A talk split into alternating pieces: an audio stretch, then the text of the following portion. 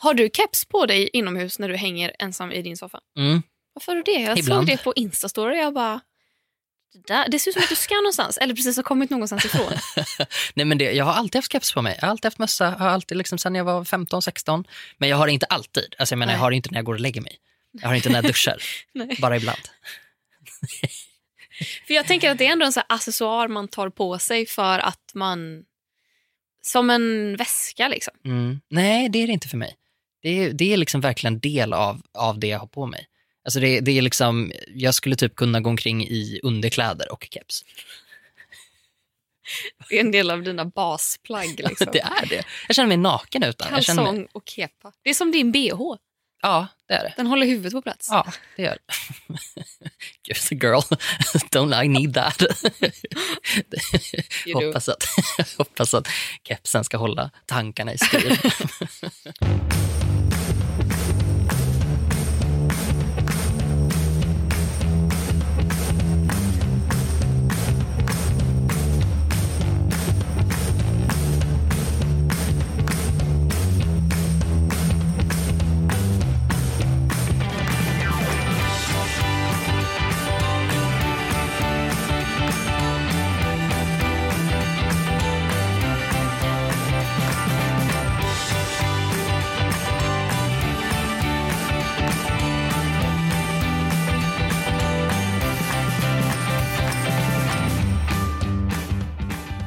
Jag har kommit på? Nej. Jag kom på ett smeknamn till dig. Oh! Som är så här, när jag kom på det, vilket var när du och jag och Rickard, vår poddklippare, var i matbutiken förra veckan när vi Ja. skulle käka middag tillsammans. Och Du och jag splittade på oss för att vi skulle plocka på oss lite olika saker och så väntade vi in att Rickard skulle komma. Då gick jag förbi eh, en hylla med mat och såg någonting och jag bara, det där är ett bra smeknamn på Gustav. Och sen försökte jag komma på vad det var i morse och så kom jag på det och så tänkte jag, hur fan tänkte jag? Det, det är riktigt dåligt. Men du får säga vad du tycker. Bulgur gick jag förbi och tänkte gur som i gurra, bull som i, jag vet inte, glutenfria bullar, vad fan vet jag. Bulgur! Ja, alltså... Ja, mm, nej, men hur men dåligt jag är det? Ja, Ja, det alltså, jättedåligt. men kanske gullburr? Gullbur!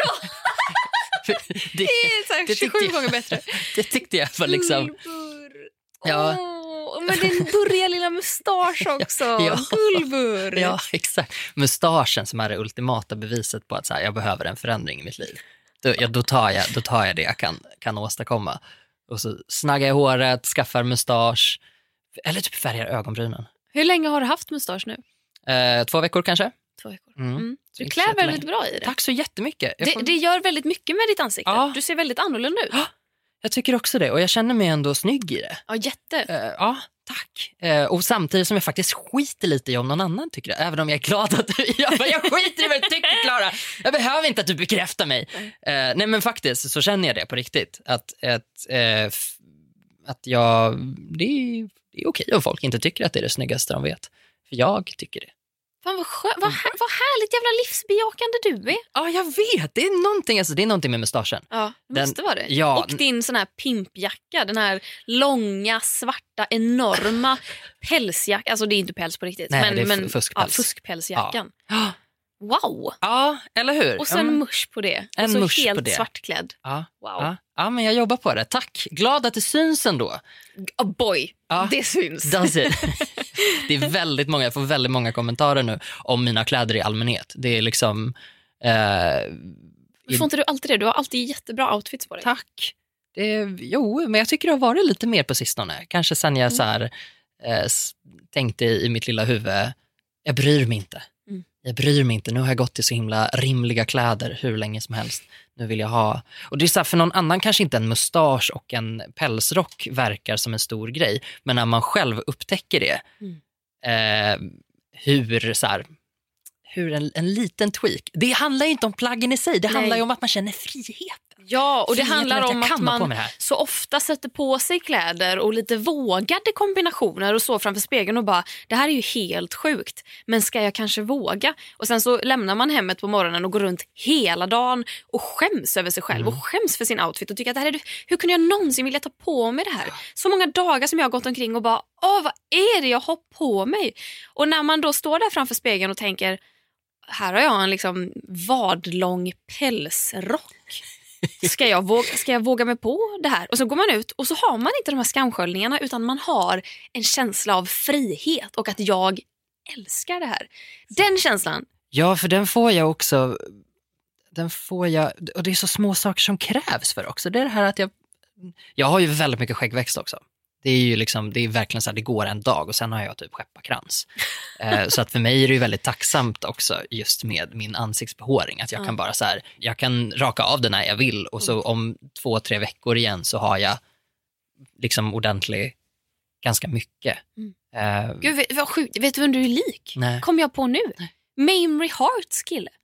det vet jag inte vem Du, det är. vänta, nu måste vi... Nu Ja, måste men vi googla. Eh, du är något så groteskt lik honom. Och jag kom på detta nu när jag bara såg dig Mm. Fan vad sjukt. Nu ska vi se, vad kan... Vad, Jag vet vem hon är. Men jag vet inte vem han är. Hart. Mamri Hart menar du? Mamrie Hart. Hade du sagt det då hade jag förstått direkt. Nu funkar ju inte. Alltså, ha in, Instagram. Bugg, är det bara för mig det Nej, buggar? det buggar otroligt mycket. Åh, Den lägger av hela tiden.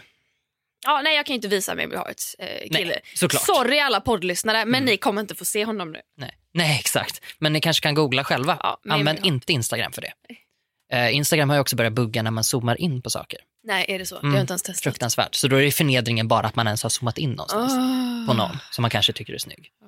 Mm. Och då Gud, fryser den sig. Herregud. Det Jävla. Instagram. Fy fan vilket Jävla jävla helvete. skit Ehm, till forum. Ja, jag tänker så här. Vad tänker du? Idag ska vi prata livskris. Vi behöver prata livskris. Vi behöver prata livskris. Vi pratar ju om de små molande livskriserna som pågår hela tiden, men inte alltid som vi pratar om de stora. Nej. Utan det är ofta, vi har ju kanske en livskris en gång om dagen. Något mindre. Ja, en av oss har det. And it ain't me. Nej, it ain't you. Okej, jag kanske drog med dig i fallet lite grann. jag, jag tänkte framför allt på när vi kanske inte kan ta oss av en buss eh, utan Ja, att jo, få, jo, det är sant. få ett breakdown. Våra Jag- livskriser de, de är ju väldigt varierande i storlek. Ja, absolut. Och när jag säger livskris så menar jag, alltså jag genomgår ju en större livskris överhuvudtaget. Jag menar ju snarare de här, typ, åh nej, jag gjorde bort mig Ja. i matbutiken. Så Mm. kanske. Och där kan vi ju ändå båda två pricka in ganska många dagar i veckan. Så man bara, nej, varför sa jag sådär? Eller varför Oh, ja. så? Och jag tycker ändå det är befriande att få lov att kalla det för livskris. Jag tycker att ordet livskris borde inte vara reserverat för när typ ens förälder går bort eller något sånt. För där snackar vi ju livskris och jag har peppa peppar aldrig varit med om det än så länge. Och eh, då känner jag att tills dess så måste jag ju få kunna definiera mina egna li- livskriser. Och jag är i en fet jävla livskris as we speak.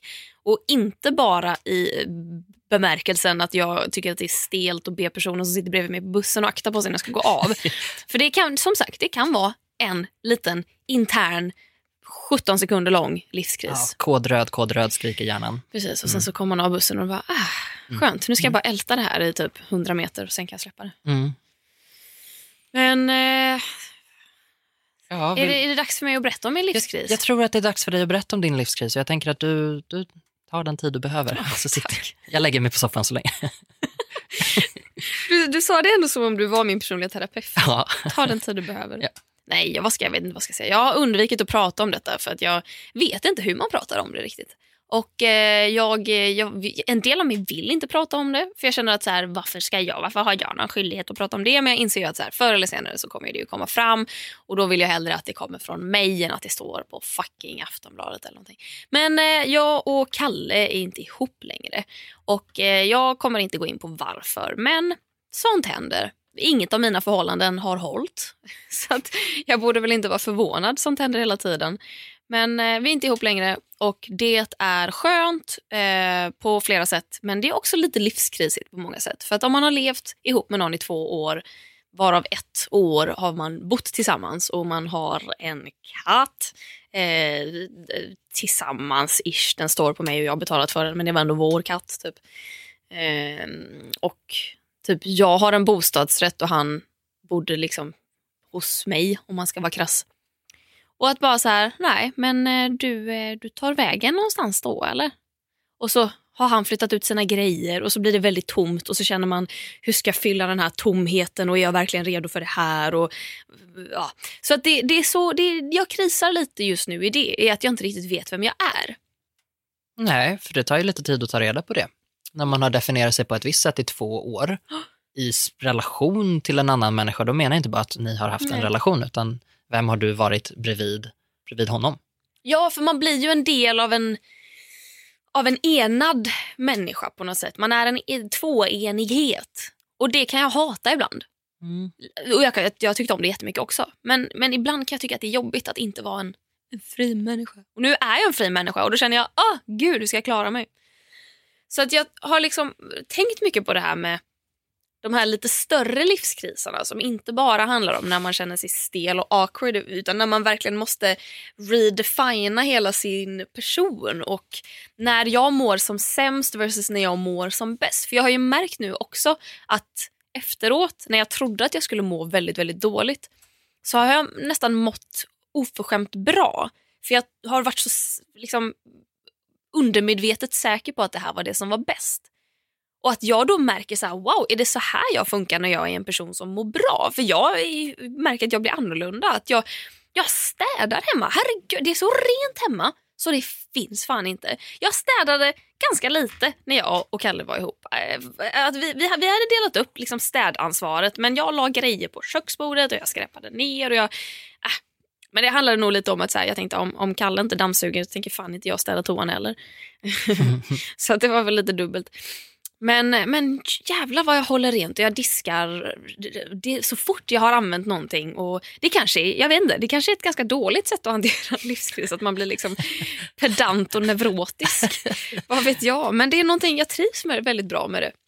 Och så går jag och sjunger, jävlar vad jag sjunger. Och det gjorde jag sist jag kom ur ett långt förhållande också. Jag gick från att typ aldrig sjunga och tyck, tyckte inte om att höra min egen röst till att liksom varje sekund jag är hemma och är ensam så bara sjunger jag och sjunger nya låtar och tycker det är kul att sjunga och bara tycker att jag sjunger ganska bra också. Jag satt och lärde mig Let it go på franska häromkvällen, en fredagkväll i min ensamhet för att jag kunde det. Och det var jättehärligt. Jag filmade och la ut på Instagram. Bara, wow, kolla på Mm. mig när jag sjunger Let it go på franska. Libéré, délivré. Eh, Så jag, jag tror att min livskris nu, det är ändå en väldigt positiv livskris. Mm. Men kan det inte vara så att de blir ganska positiva? Den typen av kriser. Jag tror att jag har haft lite tur att min har blivit positiv. Mm, okej. För sen ska vi ju komma ihåg att jag har livskrisat i ett halvår innan dess. ja. När man börjar märka att ett förhållande inte kommer hålla och man ska bara handskas med det när man vill att det ska hålla. Mm. Och Eh, det är ju en livskris i sig. Jag tror att jag har ju gått nu skitlänge och mått dåligt och varit nere och jag har inte varit liksom hela jag. Jag har varit lite tystare och lite mer eftertänksam och jag har gått hem tidigt på kvällen för att jag känner att jag behöver det. Och, nu bara, nu är, för det första har jag ingen att förhålla mig till. Nu kan jag bara, ja okej mina katter, jag kan inte bara sticka. They need me. I need you. Ja, det gör de faktiskt. Det handlar om överlevnad. Det gör det sannerligen. Speciellt eftersom den lilla äter så jävla mycket. Så att hon skulle faktiskt kunna äta allt och överleva. Och Bob skulle dö för att hon hade svultit ihjäl. jag, jag tänkte att det var Bob som skulle döda Ja, det, det hade hon visserligen. Ja, i och för sig. När det inte fanns någon mat hade Bob nog ätit upp Helga. Så kallar vi Helga den lilla. Den Eh, lille. Den lille. Den Nej, men jag tror att den jag- lille. Jag tänker att folk inte har lärt sig ens namnen. Så jag kallar dem den lille och den store. Och sen så kom jag på halvvägs när jag har sagt den lilla att så här, ja men Bob känner ju folk till. Ja. Men vet du vad, alltså, apropå sidospår. Helga har ju så jävla många smeknamn. Att, och det har gått från Helga till Helgo till Helgisen till att jag, jag kallar Bob för Stumpan.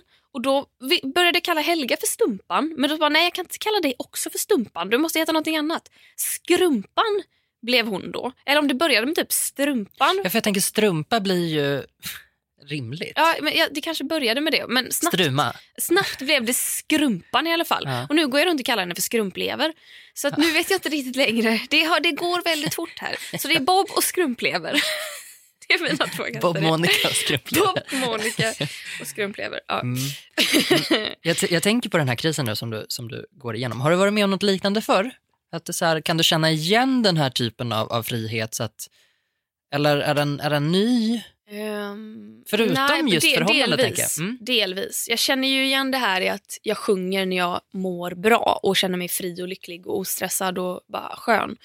Eh, Men sen glömmer jag ju bort det emellanåt. Jag kan ju känna så här, när jag, när jag inte får fram en sång, när jag står där i köket och ska diska och det inte kommer en sång, då tänker jag ju bara så här, äh, det är ju bara jag som är lite tråkig just nu. Det är ju bara det. Och sen så ser man tillbaka på det när man väl står där och sjunger i falsett och bara, ah, jag mådde dåligt. Mm. Så sången tycker jag är ganska, den märker ju jag är viktig. Mm. Eh, en viktig parameter för mitt välmående. Mm. Men, vad gör du när du mår som bäst? Men jag sjunger ju också väldigt mycket när jag mår bra. Ja. Eh, och jag, eh, jag tror jag slappnar av. Någon gång så har jag blivit ombedd, och jag vet inte om jag pratat om det i podden, men jag gick en kurs, en, en ledarskapsutbildning för, för eh, ja, men det var några månader sedan. Eh, och då så, vilket för, för det första är så otroligt vuxet, Eh, men då var en av frågorna som kom upp, eh, hur känns lycka för dig? Mm. Och då beskrev jag det som att den känns tom. Mm. Och när jag är tom så har jag möjlighet att göra allt. Och då kan jag också slappna av i att jag inte behöver göra någonting. Mm.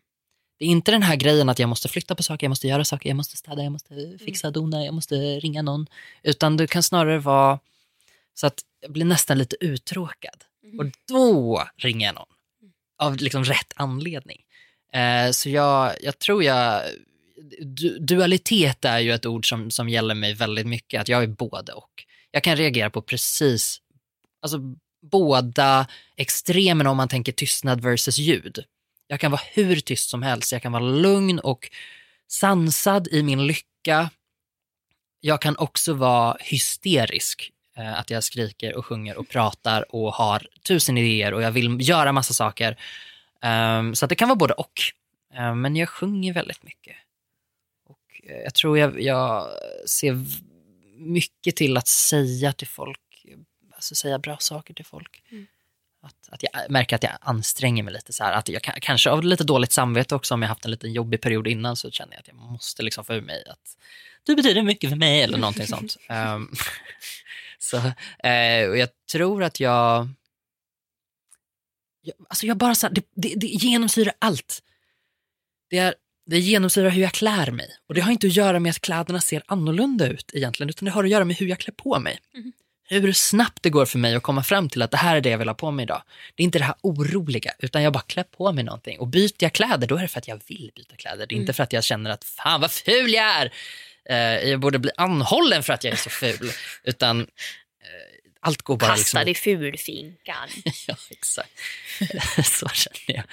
Eh, så det, det gör jag ju, eh, gör jag ju verkligen. Och när jag har haft såna här kriser, jag, för mig har det handlat väldigt mycket om om jag har flyttat någonstans till exempel. Mm. Där det å ena sidan har varit det bästa jag gjort någonsin och å andra sidan har varit det värsta jag gjort någonsin. Och det är inte det värsta jag gjort att wow, nu har jag sabbat för mig själv, utan snarare nu, det här är det värsta för att jag måste ta mig igenom det här och jag måste bearbeta allt det här som dyker upp inom mig. Alla de här känslorna, för om man, om man har varit i ett förhållande eller man har bott i en stad och man har alla vanor inne och man vet exakt hur man funkar där och sen blir man utan någon av de grejerna. Det kan vara en person eller det kan vara en grej eller ja, vad som helst. Det kan vara en arbetsplats, det kan vara ett socialt sammanhang och helt plötsligt så är man utan någonting. Mm. Och så måste man ju titta på alla de här delarna och se, för man har ju byggt som en ny liten version av sig själv i förhållande till den här personen, platsen, Mm. ja, men staden, hemmet, whatever. Liksom. Och där kan jag liksom med skräckblandad förtjusning se hur jag utvecklas. Det slutar alltid bra. Det har inte slutat än för jag lever fortfarande. Men det, jag kommer alltid till en punkt där jag känner att wow, nu har det lagt sig. Men fram till den punkten så kan jag tycka att det är jättejobbigt. Och bara ta reda på vad, vad tycker jag om? Tycker jag om sällskap? Vill jag vara själv? Nu måste du svara på den här frågan, eh, Gustav Järna. Eh, Gustav Järnaberg, det, det är min hjärna.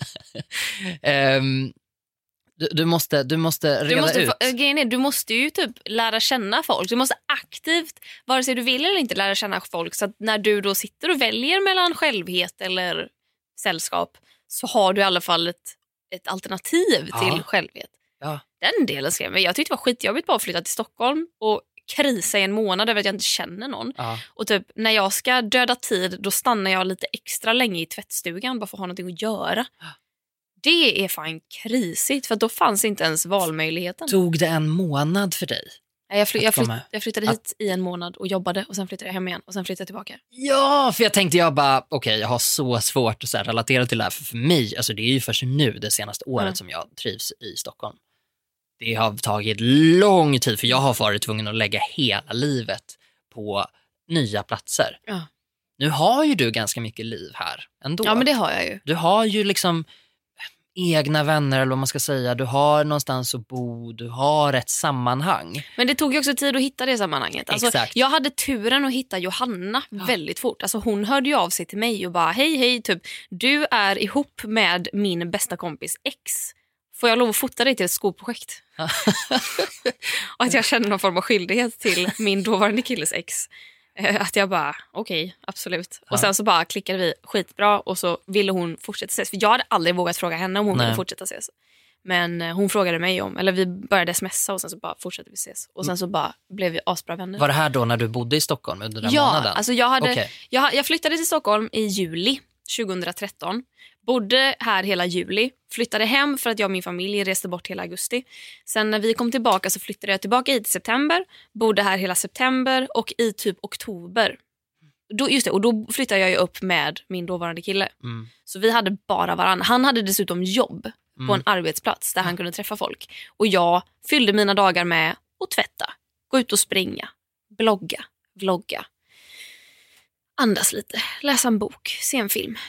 Alltså, Drömlivet för det första. nej, jag tyckte faktiskt inte Men- det var så drömmigt. Nej. Alltså, det var drömmigt på förmiddagarna för att jag gick ändå upp tidigt. Men det var för att du inte hade alternativet. Nej, precis. Det var ju Så- det. Ja, Sen träffade jag. Johanna. Woho! 24-7 sms-konversation. This is my best friend now. Och sen så eh, blev mitt ex typ svartsjuk på henne. För att Mm. hon tog upp så mycket av mitt liv. Och sen så har jag väl genom henne träffat alla andra på något sätt. Ah. För att hon är världens jävla... Jag vet ingen som är en sån social butterfly som Johanna är. Det är helt absurt hur en människa kan känna så många människor. Och inte bara känna ytligt utan kan prata med vem som helst om vad som helst, när som helst. Mm. Och känna att de är vänner. Mm. Det är... Det är tur att inte jag har några form av så mindervärdeskomplex och känner mig liksom ersatt. eh, för det hade jag kunnat göra, Ja. tänker jag. Men eh, nej, så jag är Ja, I'm a herregud. good friend. Ska man prata om en mindre livskris så eh, en grej som, och det är så här, åh, det, det är fult, men eh, när min bästa kompis Sofie träffade sin man så Mm. det, jag kände mig så utbytt. Ja. Och jag tror att det är ganska många människor som känner så här när deras bästa kompis träffar någon Mm. och helt plötsligt så, återigen, det var ingenting dåligt som hände i sig men det var en förändring. Mm. Och den är jobbig. Mm. Det spelar ingen roll för vissa människor, för vissa människor verkar kunna bara så promenera vidare och så är allt bra. Liksom. Men för, för folk som grubblar lite, i vilken mängd den må vara, så kan det vara jobbigt. Bara så här, vem är jag nu? Vad gör jag nu? Var någonstans på, på eh, prioritetslistan hamnar jag? För det märker man om man är lite mm, extra känslig. Liksom att så här, oh, nu märker jag att någonting har skiftat. Någonting litet, litet i dynamiken har ändrats. På samma sätt som det kan märkas när, folk, alltså när kompisar gör slut med sina respektive. Liksom. Att man märker en skillnad i dynamiken där. Eh, allt det här är ju bra grejer. Eh, men det kan vara väldigt jobbigt att hantera. Så det var en, så här, jag skulle inte säga att det var en jättestor kris för mig. Det var inte en primär kris i alla fall. Jag har ju massa annat som, som går före. Liksom. Men, eh, men det var definitivt en sån sak som jag liksom själv reagerade på att wow, jag tycker att det här är jobbigt. Och jag ville inte tycka att det var jobbigt för man vill vara kompisen som står och applåderar bredvid och bara så wow, shit, eh, ni har verkligen träffat varandra. Och sen bara, nej, jag känner mig utbytt. Du vet, det var så här riktigt jag var verkligen bikaraktären i en film som får alla de fula dragen medan huvudpersonen är den som så här, är en härlig Disneyprinsessa. Eh, och jag står liksom som styvsystern bredvid och bara Jaha, så du ringer honom nu? Um, vilket sög. Ja. Ehm, men Det, det är ju hemskt på något sätt när svartsjuka som är så typ reserverat för kärleksrelationer när det artar sig i en vänskapsrelation och man vet att så här, jag får inte lov att vara svartsjuk i den här nej, relationen för att det är inte riktigt accepterat. Men det är också någon form av typ... Jag kan tycka att den svartsjukan är ju verklig. Den är ju på riktigt. Du, du, är, du är ju mer eller mindre utbytt inom citationstecken. Medan typ svartsjuka i kärleksrelationer tycker jag ofta handlar om en misstro och en otrygghet och kanske främst i sig själv. ja absolut. Att den, är, den, är inte, den är inte reell. Medan den här vänskapssvartsjukan när någon annan plötsligt betyder mer för den som betyder väldigt mycket för en själv. Mm. När, den, när någon sån person kommer in i bilden. Det, vad, vad, fan, vad gör man då? Hur, hur handskades du med det? Acceptera det. Oh, vad, Alltså, jo, men det och, det, är, och det är så lätt. Ja. Och, det är så bra. Ja. Och det är därför jag suckar. För att det är så jävla bra. Och då tänker jag så här, om, om det var svaret till typ alla kärleksrelationssvartsjukor, då hade inte folk varit så svartsjuka. Nej, men ändå jag- är folk, folk svartsjuka. Ah, jag hatar svartsjuka. Jag tror att det handlar lite för mig om att vara ärlig med mig själv och bara erkänna att jag faktiskt kände så. Eh, släppa på fasaden lite grann, Mm. även inför mig själv. För att det finns ju ingen man ljuger lika mycket för som sig själv ibland. Ibland är ju man här, jag är okej med det här och inombords bara, du är inte okej med det här. Mm. Eh, men du vill så gärna att, att det ska kännas bra eller att det är de här fula känslorna inombords. Mm. Att när du faktiskt... Och sen det där, som du säger, det här är ju faktiskt på riktigt. Att du kan på riktigt märka att, att någonting händer. Jag är utbytt. Mm. Och det kanske inte betyder att du är utbytt i livet så att så här, nu kommer du inte ha en plats där. Det handlar bara om att din plats kommer förändras. Och så där förstår jag verkligen vad du menar, för med förhållande så är det inte riktigt det. Eller kanske, I don't know. Ja, men I vissa förhållanden så finns det ju säkert anledning att vara svartsjuk men då känns det som att i de allra flesta förhållandena så handlar det ju inte om att det finns ett hot. Det handlar om att man är en, jag höll på att säga svag person men det är lite väl raljerande kanske.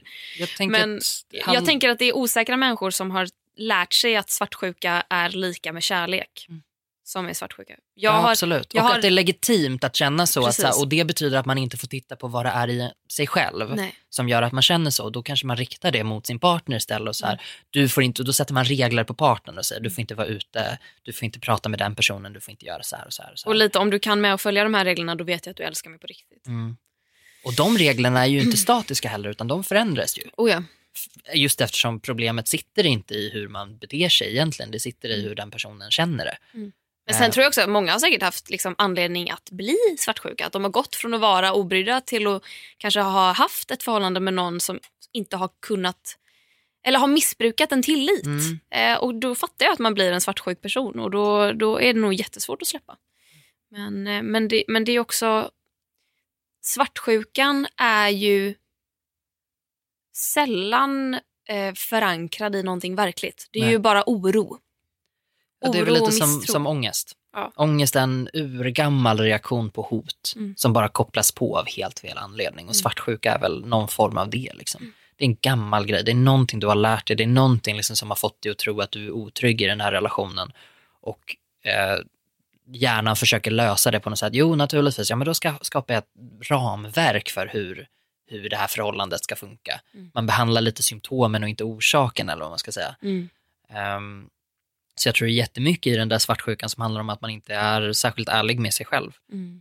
Ehm, för att jag tror att vissa människor kanske inte ens kan bli av med sin svartsjuka, men om de kan erkänna hur stort problem det är så blir de ju mer medvetna om att okej, vi kanske behöver hjälp med att Mm. fixa det här. Jag kanske behöver hjälp med att fixa det här. Det här kanske inte alls handlar om dig och vem du hänger med och vem du pratar med, vem du smsar med 27, 27 timmar om var, var fjärde dag.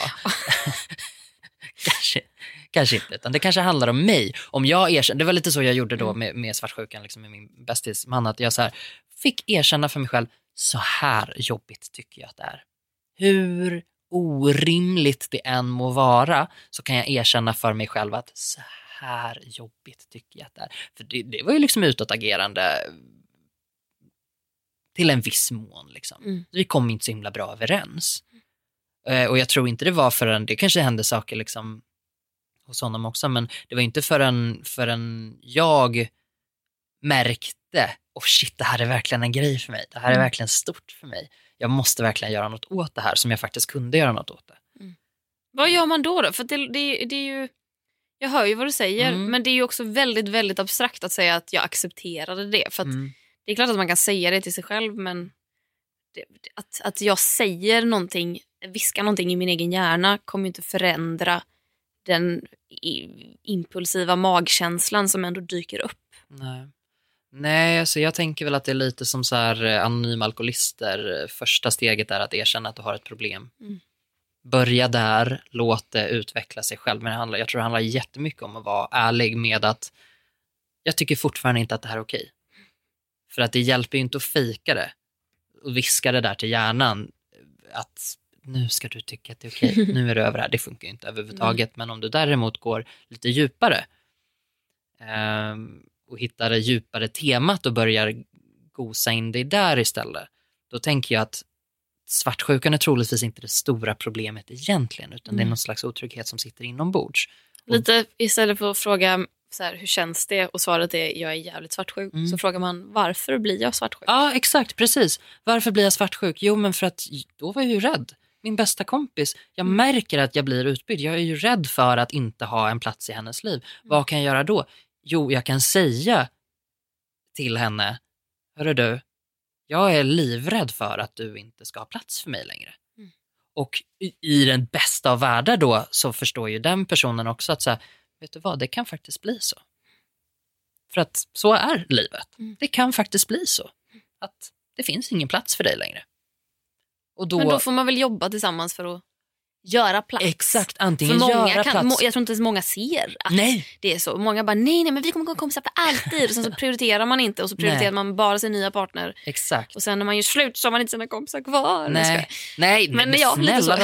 Ja, men jag har gjort så. Ja, jag Ja, har inte gjort definitivt. så, men jag har kompisar som gjort så. Ja, nej, men det, jag har definitivt eh, gjort så, men det är också för att jag har befunnit mig i situationer där det har varit rimligt. Alltså mitt förra långa förhållande var ju i en stad där jag inte kände folk. Var det i London? Mm, först i London och sen så, sen så bodde vi i Västerås. Mm. Och där var det också så här, jag har, några, jag har vänner i Västerås som jag har liksom på egen hand, eller vad man ska säga, men inte det här dagliga umgänget, utan Nej. det är mer så här, det är kompisar och de träffar jag ju fortfarande än idag och har- tycker fantastiskt mycket om dem. Det är verkligen så här, jag bara, gud, jag är så glad att ha folk omkring mig som har känt mig så länge. Att de, de har inte sett någon slags version av mig någon gång, utan de har faktiskt sett något som, ja men de har ju sett mig så himla lång tid, så det de har sett måste ju på något sätt vara ganska mig. Mm. Eh, men, men det dagliga umgänget var väldigt mycket liksom min dåvarande pojkväns kompisar. Eh, så när vi gör slut på samma gång som jag också flyttar till Stockholm, så är det klart att jag ser att det sker en förändring, jag är inte blind. Det är klart att jag märker att, okej, vem ringer jag nu? jag kan inte ringa de här kompisarna som är mitt ex bästa kompisar. Mm. För, för vad sätter jag dem i för situation då också? Ska jag ringa och så här, nu är jag så himla ledsen och så på andra linjen sitter de liksom med, med honom. Mm. Det, för mig var det liksom en sån grej, jag bara nej, jag förstår direkt att det här inte kommer funka. Eh, jättefina människor allihopa, men eh, det, det fasades ut. Liksom. Mm. Men paniken när man inser att jag har ingenstans att ta vägen. Mm. Och det är inte så här, nu är det lördag kväll och jag måste ut och göra någonting. Delvis det också, men, men ehm, Var du nykterist då? Eller var du ja, inte? det var jag. Ja. Mm. Ja, ja, gud, jag lägger på en till dimension av omöjlighet. Hur träffar man folk utan att gå ut? Ja. I princip omöjligt. Ta en bärs. Jag dricker inte. Okej. Ta en kaffe. Nej, jag har halsbränna. Ja, Nej, men det var liksom mycket Men vi kan sånt gå ut som- och köpa kepsar och pälsiga rockar. Exakt. Gå och shoppa med mig. Då tog allt bra.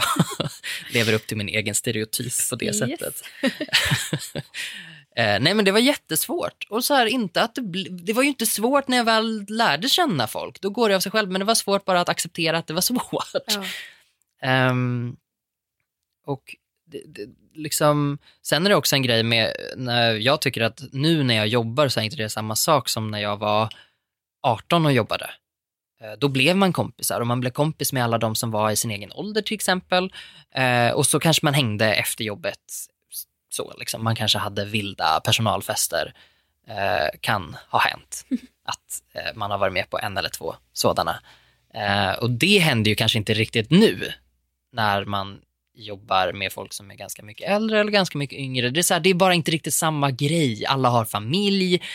Eh, och även om jag faktiskt tycker att det är väldigt många nu som, som är bra på att liksom bjuda in folk. Alltså de är verkligen så här, följ med på det här, gud vad kul vi gör det här. Så det är ändå liksom så här, här sitter den lilla familjen och så Gustav! Alltså det, det är inte kul. Och det är inte för att jag så här inte tycker att de är trevliga människor, det är bara för att man så här, ja men nu är jag femte hjulet på riktigt. I don't need that in my life. Men jag måste fråga. Ja. Om du befinner dig i ett, ett läge i ditt liv där du känner att så här, jag är inte mitt fulla jag, jag mår inte så jävla bra överlag. Du kan liksom säkert så säga att det finns en del faktorer som är avgörande för att du inte mår bra. Men kan du liksom pinpointa vad problemet är för att du ska kunna göra någonting åt det. För ibland, så här, ibland är man stressad men du kan Mm. liksom inte bara så här, skita i ditt jobb för det måste du göra. Utan du måste liksom kunna pinpointa vad är det som får mig att inte må bra för att kunna sen må bättre. Mm. Alltså är du bra på det eller är du den som som, som jag typ, som snarare går runt med en molande känsla i magen av att man mår inte kanoners direkt men tänker att det går över. Och för att sen fatta ett halvår senare att herregud jag behöver göra någonting drastiskt och så mår man Mm. dåligt över det. Nej, jag är inte så bra på det som jag skulle vilja låtsas att jag är. Jag har väldigt lätt för att övertyga mig själv om att det här är det jag måste göra för att lösa det här. Om jag bara köper den här grejen så kommer jag må bra. Och det är inte så att jag på riktigt konkret i hjärnan tror att om jag köper den här pälsrocken så kommer jag bli lycklig. Men någonstans i det där bor det ju liksom, Mm man, man famlar lite efter, efter eh, halmstrån. Hur ska jag få kontroll på läget? Eh, och jag tror faktiskt att mitt bästa tips till mig själv är att eh, ge upp. Ge upp kampen. Dö! Nej. Eh, men ehm, sluta kanske försöka hitta, försöka hitta anledningen hela tiden. Ibland är det jättebra att grubbla och fundera på vad ska jag göra åt det. Ibland mår man bara, ibland så mår man bara bättre av att inte försöka förbättra sig själv hela tiden. Mm. Och bara finnas. Det finns någon sån, jag vet inte vad det heter, men det är någon så här acceptance something something, det är någon slags KBT. Okay. Att man bara accepterar att så här är det nu. Man behöver inte, och då vet inte jag om det här är en fortsättning då att man inte känner att man behöver fortsätta eh, gräva i det eller inte. Men för mig kan det vara så att jag så här, för jag gräver ju mycket saker överhuvudtaget. Och då behöver inte jag det. Och jag behöver inte gräva, jag behöver inte bli bättre på att gräva heller. Jag behöver inte känna att jag inte är tillräckligt bra på att ta reda på vad som är fel. För det jag har kommit fram till då det här senaste året då jag faktiskt har fått, liksom, jag har fått fysiska men av hur dåligt jag har mått. Alltså jag märker att hela min kropp har inte fungerat. Eh, och det jag har kommit fram till då är att okej, har du suttit i så här länge att du inte vet vad som händer, vad som är fel, då är det dags att ta hjälp. Jag tycker inte att ett halvår låter som en särskilt lång tid att ha en kris i sig så. Nej. Eh, men säg att krisen på något sätt har visat sig i tio år. Mm. That's dangerous bro. It is. Jag tänkte på det du sa om att förändra sig själv och Mm. att jag, jag kan känna igen det så väl att när jag inte mår bra då vill jag förändra mig själv. För att då lägger jag skulden på mig. Att det är jag som gör att jag inte mår bra och jag måste ändra mig själv för att kunna må bra. Jag har ju velat klippa av mitt hår Mm. jättelänge. Och jag tror nu då när jag faktiskt känner mig lycklig. Sen, jag, har, så här, jag ska också tillägga, jag har inte varit olycklig i mitt förhållande. Men det har varit ganska svårt ibland för att det har gått väldigt mycket upp och ner. Och det har, jag har tvivlat mycket på mig själv i vårt förhållande. Och att det har gjort att jag kanske bara så här, jag ska, jag ska göra, ah, nu måste jag, jag måste förändra mig själv, jag måste bli bättre. Jag Ja. duger inte som jag är. Vad fan ska jag göra? Jag, jag klipper av mig håret. Ja. Jag drar ensam fyra dagar till Barcelona för att försöka hitta mig själv. Jag eh, gör det här. Sen klippte jag aldrig av mitt hår. Men nu känner jag inte riktigt det här behovet av att göra det. För det känns tryggt. Mm. Jag känner mig trygg i mig själv. Jag vill inte längre förändra mig.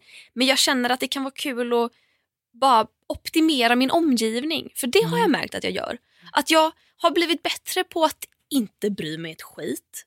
Jag har fått förfrågningar där jag tidigare skulle ha så här, åh nej men gud vad snällt och åh, nej men, åh kanske fast jag har inte tid och så vill, jag inte. Men jag måste väva in det i massa gulliga ord och nu är det så här bara, hej tack för din förfrågan. Nej, det känns inte som någonting för mig. Jag är så jävla koncis Mm. och så hittar jag de här jobben som jag vill göra och så gör jag dem och sen så bryr jag mig inte om resten. Mm. Och så kommer jag in i min tomma lägenhet som liksom hälften av allting som stod där är borta för att det var inte mina grejer och så bara okej, det här skulle kunna få mig att må piss.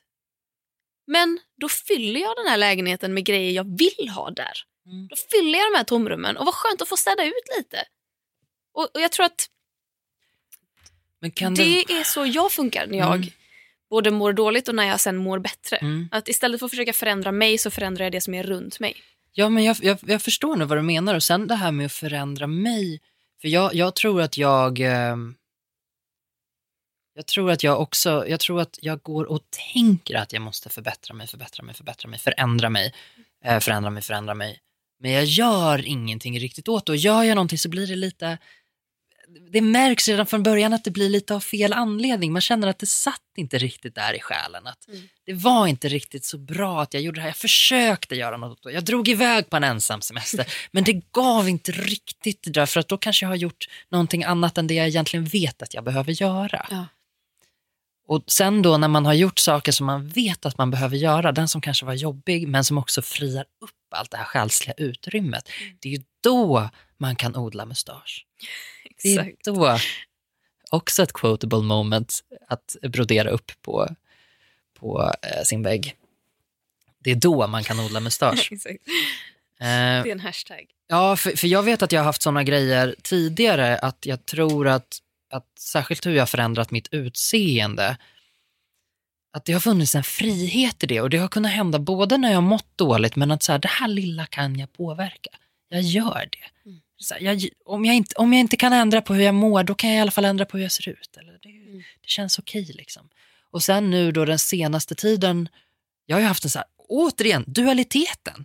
Alltså jag har mått bättre än någonsin på vissa sätt, men också sämre än någonsin. Alltså girl, vad dåligt jag har mått. Fruktansvärt dåligt.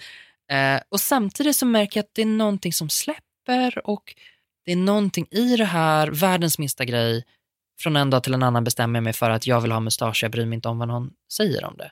Jag vill ha den här grejen eller jag vill göra den här grejen och det, det kräver inte så mycket grubbel för att göra det utan jag bara gör det. Du har också sån hysterisk jävla skägg, skäggväxt. Om du från en dag till en annan kan bestämma dig för att nu vill jag ha mustasch och sen har du det. Ja, men allt handlar bara om mindset. Det är, bara, det är precis som, som med Absolut. depression. Va? Det, det handlar bara om att bestämma sig, så mår vi bättre sen. Nej, men jag, jag tror, jag vet inte om jag riktigt får fram min poäng, men jag, jag, det är någonting med att faktiskt omsätta tanken i, i eh, handling och att det går lite av sig självt. Det blir inte så mycket tanke inför. Det blir inte så mycket att du ska bygga upp så, så hysteriskt mycket för den där ensamsemestern. För då blir det också någon slags förväntansångest när du väl kommer iväg på den. Nu tar Ja. jag det som exempel. Ja, men det är ett Men- bra ett exempel Ja, tycker jag. För, för jag att- tror att vi båda har känt ett behov av att bara komma bort. Exakt. För att man orkar inte med. Det, Nej. det är för mycket tankar och då, det, då känner man att det finns en lösning i att sätta Mm. sig själv på en plats där det inte finns någon som kan störa ens tankar. Nej. Att man ska få tid att tänka, men inte fan tänker man då, för då finns det ju sevärdheter att se. Det finns en skitstor kyrka som de har byggt på i hundra år, och sen finns det en strand man kan ligga på. Så beställer man in lite tapas, sen sitter man där och äter den och försöker inte tänka på, ska jag göra slut eller ska jag stanna kvar? Mm. Det vill man ju inte tänka på när man har semester. Men det är ju, exakt, man är ju bortrest så då kommer ju alla de kraven också, Exakt. som du säger. Colosseum, det är klart man måste se det.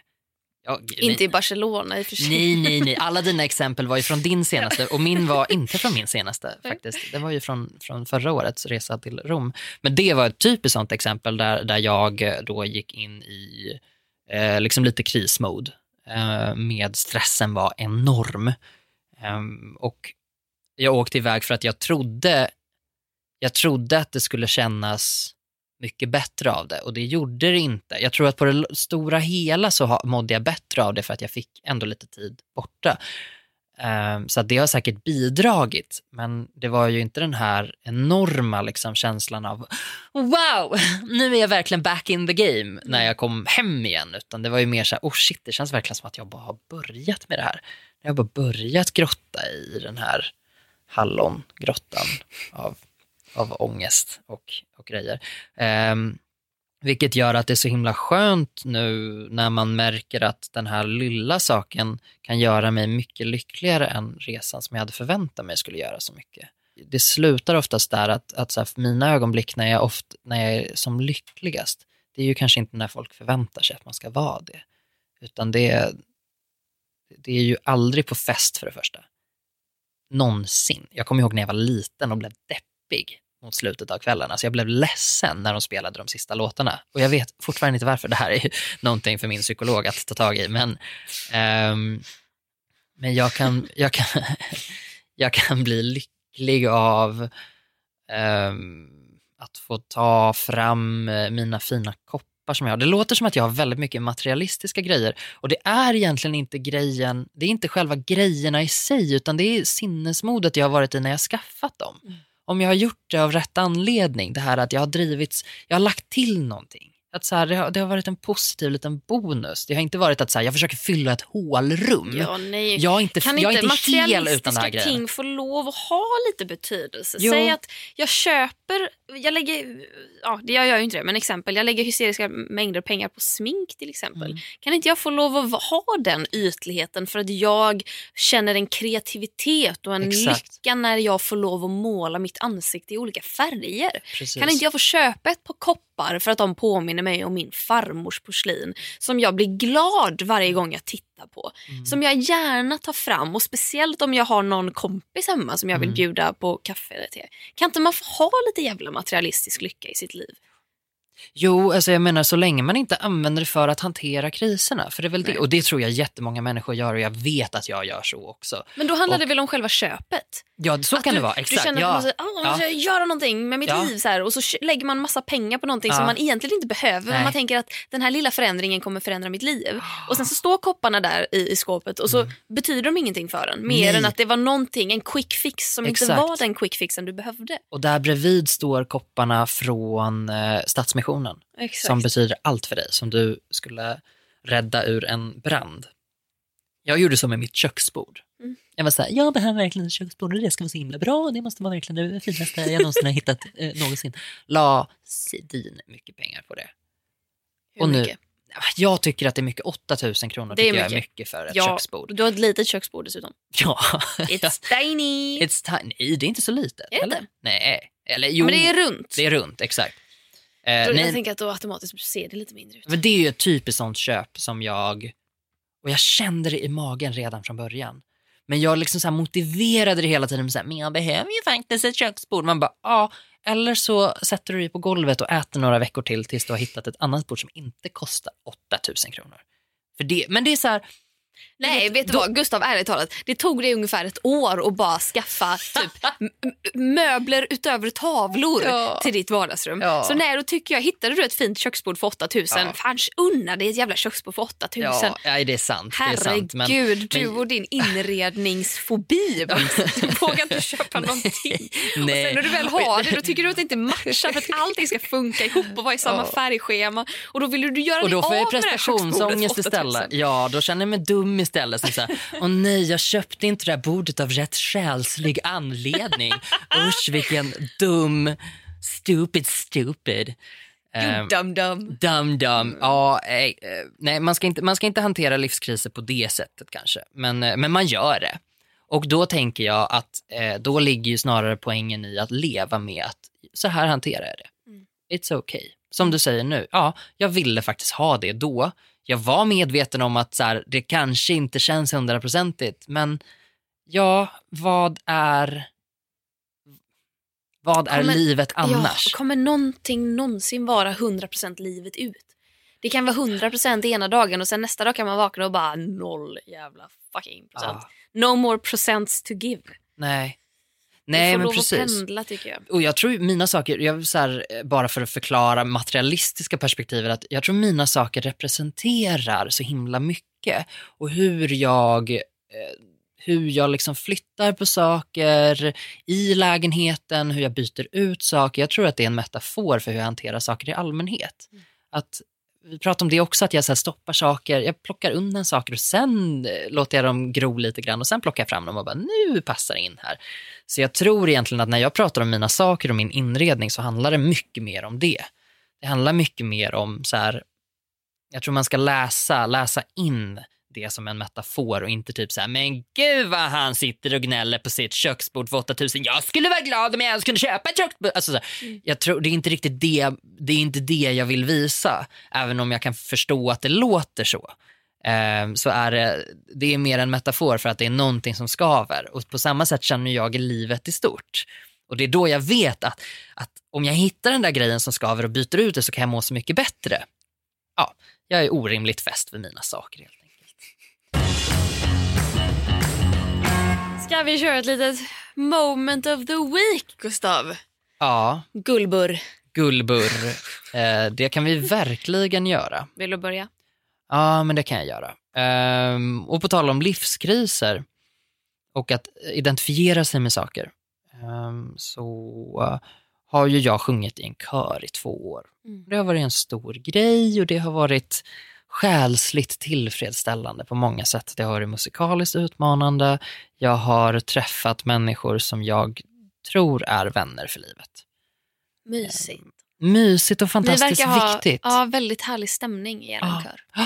Ja, ehm, det är, eh, den, den har blommat ut jättemycket. Mm. Så att när, när jag började i kören så var det liksom så här, man var lite försiktig och sa man så här, eh, nu ska du sjunga den här tonen. Ah! Så, vågade, inte riktigt, vågade inte riktigt ta den. Ehm, och så har det stegrat, stegrat, stegrat så vi har gjort massa sjuka grejer, massa sjuka genrer. Eh, och om man inte har sjungit i kör förr så kan det nog vara lite obehagligt att titta på från, eh, från utsidan för att det blir en sekt. Helt plötsligt så kommer du eh, sitta och sjunga eh, stämsång när ni ska äta middag med varandra. Och jag kommer ihåg när jag liksom så här, när jag använde Snapchat en gång i tiden och la upp någonting från vårt första körkollo när vi åkte iväg över en helg och skulle sjunga med varandra. Och vi skulle repa, liksom, man tar det som en repetitionshelg och man sover över och det är lite gosigt och man lagar lite mat och sådär. Eh, och då på, på kvällen så käkar vi middag och alla sitter och sjunger ehm, stämsång alltså. Och eh, vi sitter och sjunger, jag tror vi sjunger typ Price Tag med Jessie J. Um, och ah, stämningen där, och alla så här, klappar händerna och typ så här, slår i bordet. Uh, och när jag liksom, så går jag varvet runt och bara, åh, så himla mysigt, typ, och folk reagerar och bara, förlåt, har du gått med i en sekt? Och jag bara, could be. jag bara, nästan.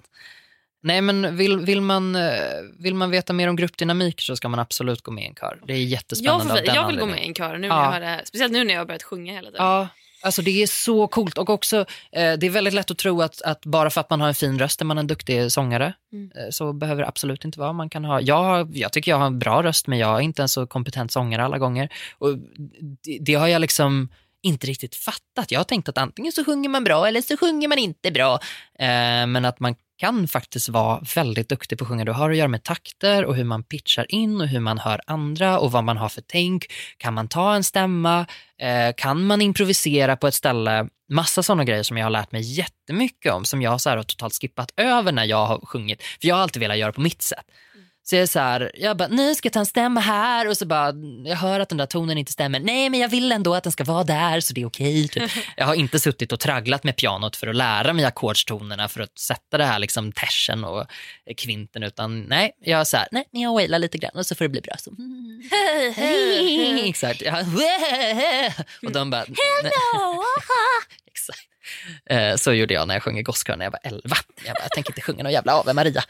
Ehm, nej, men det, det har varit en stor grej att inse det. Att jag så shit, de här människorna är verkligen duktiga Mm. på det här. Eh, och jag är inte det. Och det är så här, mm, jag blev väldigt ödmjuk av det. Att förstå att shit, så här, bakgrundssångare, alltså proffset man måste vara för att kunna vara bakgrundssångare. För jag menar om du, tar, om du sjunger liden, om du är den liksom artisten som sjunger, då har du mandat att göra lite som du vill. Mm. Du kan liksom säga, nej men jag skippar det där stället och så kan du säga istället. Mm. Det blir många bra klipp här känner jag. Det är många sm- små soundbites. Eh, medan om du sjunger bakgrundsstämmorna så måste du hålla det till en form och det är så här, du kan inte stå och sjunga en sak och så sjunger den andra en annan sak om inte det är meningen. Liksom. Cut to. Ehm, vårt eh, senaste rep då vår eh, supermusikaliska, jättesnälla, allmänt eh, genialiska, jag tycker inte om när folk använder ordet geni, men han förtjänar. Då är vi Eh, två. Fan ja. vad skönt att veta att någon geniförklarar av rätt anledning. Ja, eh, han är så otroligt musikalisk. Eh, så att det är helt sjukt. Alltså, man, man går, eh, alla de här grejerna som folk tror att, ehm, men så här, det, är ju, det är ju en del av en församling som jag sjunger i och då tror ju folk att vi sitter där och sjunger Härlig i jorden Mm. på repeat och det gör vi inte för att här sitter ju en människa som spelar piano som Alltså det finns inga ord. Det finns på riktigt inga ord för hur, hur bra han spelar. Så han inleder det här repet då med att säga att hörni, eh, jag har fått en chans att jobba någon annanstans och jag kommer ta den. Och den sorgen som jag kände, Mm. alltså den, den, var så, den var så djup på ett sätt som jag tror att att det, det gjorde verkligen, då insåg jag vilket avtryck det har gjort i mig och i min själ att ha det här sammanhanget. Så det blir ju liksom ett rep från helvetet där vi bara står och så här Rök och sommarfitt så I can dance får vi gå nu typ. Jag vill hem och gråta. Nej. Ehm, mm, ehm, och hade liksom ett väldigt fint samtal efteråt med en annan i kören där vi bara så här kramades och var så här. Vi var liksom drunk people at a party. Som bara, men du är så himla fin, men du är fin, Mm, du spelar verkligen roll gumman. Eh, men det var, det var verkligen jättefint. Och grej, alltså, Sorgligt. det var jättesorgligt. Och till saken hör att han, han har tjänstledigt i ett halvår. Mm. Så det finns, alltså så här, som planen ser ut så kommer han tillbaka. Ja. Men, Men. men, ja. Ehm, så det var, ja, Jag hade blivit svartsjuk på hans nya ställe. Den här ersättningssvartsjukan. ja, precis. Ja men verkligen så här, ska du ha, ska du ha en ny kör nu? Varför är de bättre än vad Varför vi de-? Ja, exakt. Och samtidigt förstår jag verkligen. Alltså jag Ja. förstår verkligen. Och det, det gör ju också lite ont. Ibland kan, ju, ibland kan det ju vara jobbigt att så här, jag kan inte ens säga emot dig. Nej. Jag kan inte argumentera emot dig för att vi vet. Det, det är något av, av det fina i breakups. Eh, när man bara, jag förstår verkligen varför vi ska göra det här. Ja. Jag förstår det och det är jättesorgligt. It makes sense. It makes sense. Nu är det dags att, att säga farväl. Så att han, eh, han, eh, han kommer säkert tillbaka. Men, men det, var, det var jättejobbigt. Usch. Och det tog flera dagar att komma över det. Och ja, jag var lite ledsen. Åh, Sorgligt. Mm. Det var week. Ja, då. Moment of the Ja. week. Eh, din tur. Min tur. Ja, mitt, min moment of the week den är desto kortare men den hör också ihop med ett livskrisande och det är mitt rådande livskrisande. Och eh, framförallt livskrisande som rör mitt hem. Fast i den positiva livskrisbemärkelsen att jag känner nu vill jag optimera mitt space till att bara få mig att må bra. Jag, jag vill ha det rent så därför gör jag det rent. Jag vill ha snygga grejer så därför eh, ha, fyller jag det med snygga grejer. Sen är det ju den här lägga pengar på saker som kanske egentligen inte betyder någonting. Den är jag ju farligt nära. Men vi får se. Jag kan inte avgöra det riktigt än. Men jag, hitt, jag, har ju, jag följer ju en som heter Dasha. Som är typ influencer, bloggare. Hon har, hon har en Youtube-kanal också. Ehm, som jag så här, jag känner henne inte skitväl men jag har träffat henne några gånger. Hon är ganska gullig. Eh, eller hon är, hon är jättesnäll. Varför säger jag ganska? Hon, är, hon, är, hon verkar som en bra person. Ja.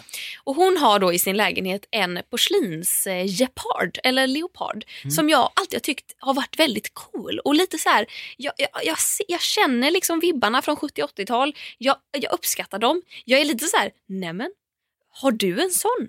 Vem har en sån? Och så har jag känt, jag vill vara en person som har en sån.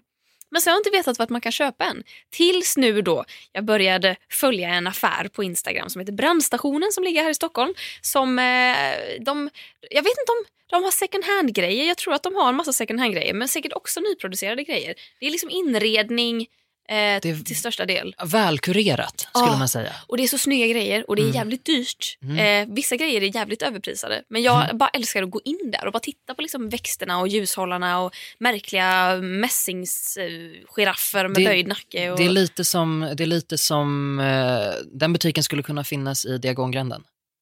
Oh ja! Well spotted. Mm. Fast Mm. med lite mindre färg. Det är väldigt färgglatt. Mm. Det är mycket så här rosa sammetssoffor och, och, och det är så plottrigt liksom. Ja. Det är så här om Molly Weasley öppnade en butik i Diagongränden. ja, verkligen. Molly Weasley eh, with eh, some cash. Det. Exakt. Så att där då ser jag att de för typ två månader sedan hade en stor porslinstiger. Så jag skriver till dem och bara hej. Vild chansning, finns den här kvar? Och om inte, kommer ni få in fler? Eh, bemöts av världens härligaste jävla butiksbiträde eh, över liksom Instagram-chatten som bara woho, typ, jag älskar emojis, jag skickar hundra emojis och eh, nej, vi har ingen inne just nu men jag eh, beställer upp de här från Italien. Så vill du slå till? Och jag bara så här, ja det vill jag nog fan. Men så här, hur, hur bindande är det? Tänk om den kommer upp och ser den liksom skelögd och har avtrubbade tänder. Det är inget fel med att vara skelögd men det, jag har ju sett väldigt många porslinstigrar när jag har googlat efter det här som ser väldigt... De, de ser ut som eh, den här uppstoppade, det här lejonet som finns på någon herrgård eller slott någonstans i landet. Ja, Ja, du vet vilket jag menar. Ja. När de som stoppar upp den aldrig hade sett ett lejon förut och bara gjorde sitt bästa. jättekul. Ja, så kan de se ut ibland. Och jag bara, en sån vill jag ju inte ha. Jag vill ju ha en snygg en. Så att det slutar med då att eh, den här som de har beställt upp, du och jag går ju dit tillsammans Gustav. Mm. Hon så här snittar upp frigolitkartongen som den står i och hinner inte mycket mer än att glänta på dörren till, det här, till den här lådan. Och jag, typ, jag tror att jag nästan ropar högt. Åh herregud! Eller, nej men oj! Och jag blir så överraskad över hur fin den är. Ja. Och det här kostar alltså 6 500 kronor. Och jag har varit lite, har jag, är det här pengar jag har just nu inför jul att lägga på en porslinstiger till mig själv? Nej. Men när jag såg den och såg hur fin den var, då var jag nästan beredd att betala ännu mer. För att jag bara, den här måste bli min nu. Ja. Så att jag betalar, jag rullar hem min eh, nya 92 cm höga porslinstiger på en liten pirra. Vi bär ut den ur kartongen. Vi testar tre olika placeringar i min lägenhet. Kommer fram till att ja, här står den nog som allra bäst. Och nu står den där. Och jag trivs så jävla bra med att ha en 92 cm hög porslinstiger i min lägenhet. Och det här är mitt moment of the week. Mitt bästa moment på hela den här veckan. Att jag har skaffat mig en jävla porslinstiger. Jag känner mig så retro så det finns fan inte. Men det jag tycker, alltså, det, jag, jag, nu ska ju inte jag eh, kapa ditt, ditt moment här, men det var ett litet moment för mig också. Var det det? Ja, jag tyckte det bara var så himla fint att du körde på den och, så, och, och platsen blev bra. Ja visst blev den. Ja, och var lite lugnt och metodiskt där. Ska den vara här? Nej, då får vi flytta på den saken. Ja, Ja. nej, då, då kan inte den stå där. Den måste ner i källaren. Det, Hade jag gjort det själv hade jag panikat lite och bara velat få den på plats. Mm. Och bara så åh nej men nu kan inte drinkvagnen här. Åh nej men vad ska jag ställa den här? Och så, åh, ja, så, så. Medan du, du hade ett sånt inre lugn i att, vet du vad, innan vi ens ställer den där, då måste vi se om drinkvagnen kan stå här borta. mm. Och så testade vi det. Är inte det lite roligt? För jag vet att jag pratade med en av mina vänner häromdagen och ibland vet jag att jag ger ett otroligt neurotiskt intryck. Men när det kommer till kritan Mm. så är jag väldigt lugn. Jag tror att det är någonting med att jag är relativ med andra människor. Så det är liksom om du då, så här, var ska jag ställa den någonstans, vad, vad händer här? Liksom, då blir jag så här, nu ska vi titta här, nu ska vi se. Och det är jag ganska stolt över. För att, Man längtar ju tills man kan säga när det kommer till krisan. När det kommer då till är jag krisan. väldigt lugn. Ja, krisaperioden. heller, Då är man så jävla neurotisk. Nej, men jag är ju tvärtom. Jag är ju neurotisk på 110 procent hela tiden och sen när det verkligen behövs, då blir jag lugn och bara, Mm. nu löser vi det här. Jag tror det är därför jag är bra på att jobba Ja, faktiskt. säkert. För att jag är ganska bra på att lösa kriser. Vad bra, men då kapade jag ditt moment ordentligt och fick in en liten... Nej, du kapade inte. Vi delade på det. Ja, Vi det- hade ett, ett härligt, härligt. moment tillsammans Jag vet veckan. inte om vi har haft det. Jo, det har vi. Vi har delat lite, men det... Inte på den här nivån tror jag. Nej, inte på den här nivån. Det är jävligt bra. Ja, Ska vi säga så? vi säger så. Tack så jättemycket för den här veckan. Ja, tack. Gullburr. Tack. Cl- Claire Bear. Ja, säg det. Det har jag snott från Modern Family, men... eh, Är det därifrån det kommer? mm, Jag jobbar ju med folk som påstår att de själva har hittat på det. Jaha, Nej, nej, det- det nej så det. är det inte. Nej, nu ljuger de. Nej. Men eh, jag, jag jobbar på att hitta på ett bättre smeknamn än Gör det. så. Återkom. Eh, Så återkommer jag nästa vecka samma tid i avsnitt... Förlåt, är det här avsnitt 30? Nämen! Nej men grattis! Wow, grattis på 30-årsdagen! Det är ju... Ja, tre tio. Jag bara, va? Tre tior. Ja, ja, tre tior, ja. Men wow, ja, fan. Det är... Vad, vad sjukt att vi kom på det här nu. Ja, men, eh, men eh, vad, vad härligt. Det blev ett bra 30 det kanske är en 30-årskris där. Ja, men det är en 30-års, eh, 30-årskris, det är det definitivt. Eh, tack till I Like Radio Ja, och för att vi får podda här. tack så mycket Rickard Nilsson också för Ja. att du klipper våran podd så fin. Tack, tack, tack. tack, tack. Tas, Så, eh, ta, task till er som lyssnar. task. Tack till er som lyssnar. Ja. Ni är supergulliga. Ja, sannerligen. Det är ni. Ah, Sucken. där kom den. Ja, tack för oss. Vi hörs. Puss. Hej.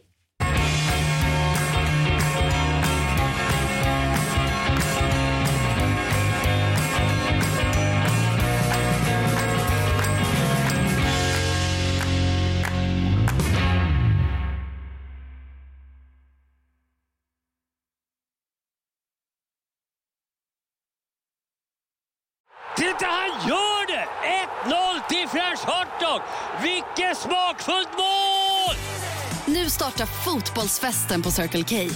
Välj mellan massa goda dressingar till din french hotdog som smakar lika gott som en perfekt glidtackling. Köp en french för 35, två för 59 eller fyra för endast 99 kronor. Vilken är din vinnare? Vi ses på Circle K i sommar.